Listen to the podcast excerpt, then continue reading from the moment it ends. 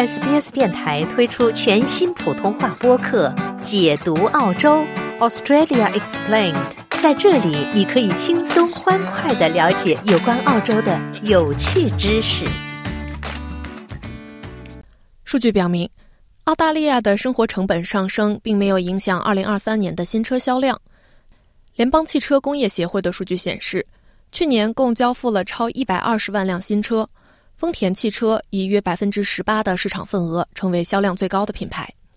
但该协会预计，今年新车的销量将不会达到这个高度，因为汽车行业认为，创纪录的销售业绩是由于新冠疫情时期造成的供应短缺，人们的需求得不到满足所导致的。协会的首席执行官韦伯表示，生活成本带来的压力可能会导致二零二四年的新车需求疲软。For 2024, well, there are some 就二零二四年来说，经济前景并不明朗，因此我认为今年的销售额可能无法与去年比肩。但目前起步势头良好，让我们一起拭目以待。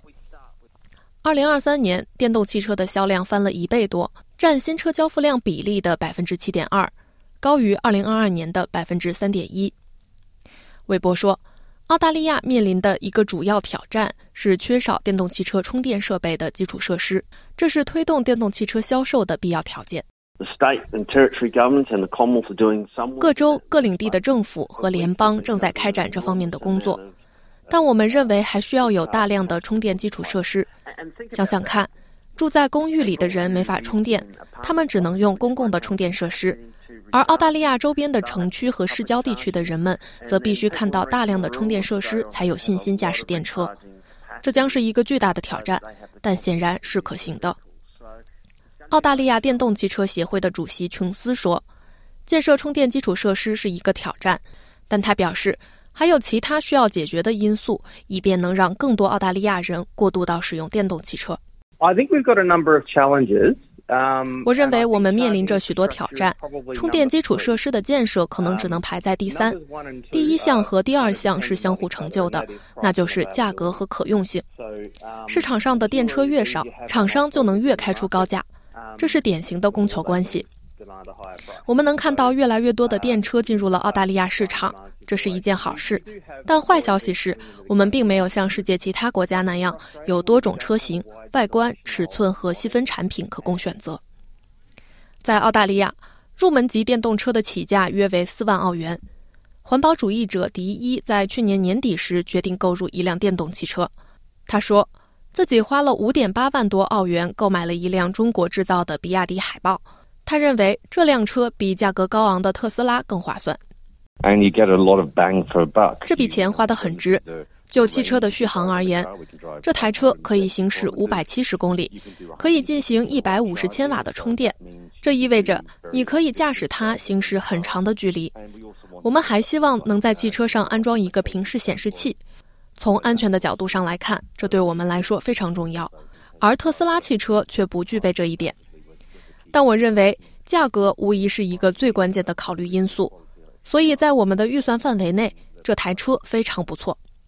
琼斯说，澳大利亚的大多数购车者都会选择购买二手车，而电动汽车的二手车市场依然很小。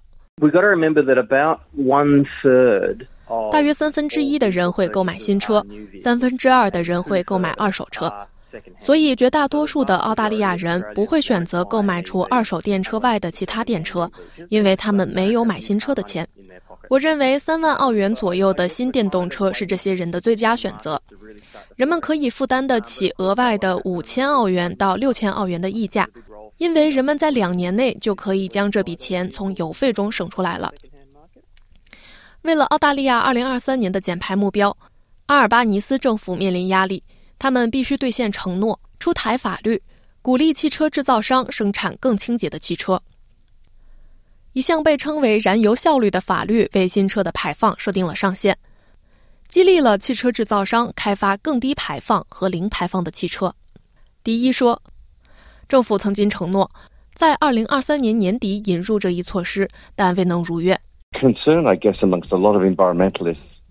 很多环保人士担心的是，阿尔巴尼斯政府的电动车政策是否会被搁置。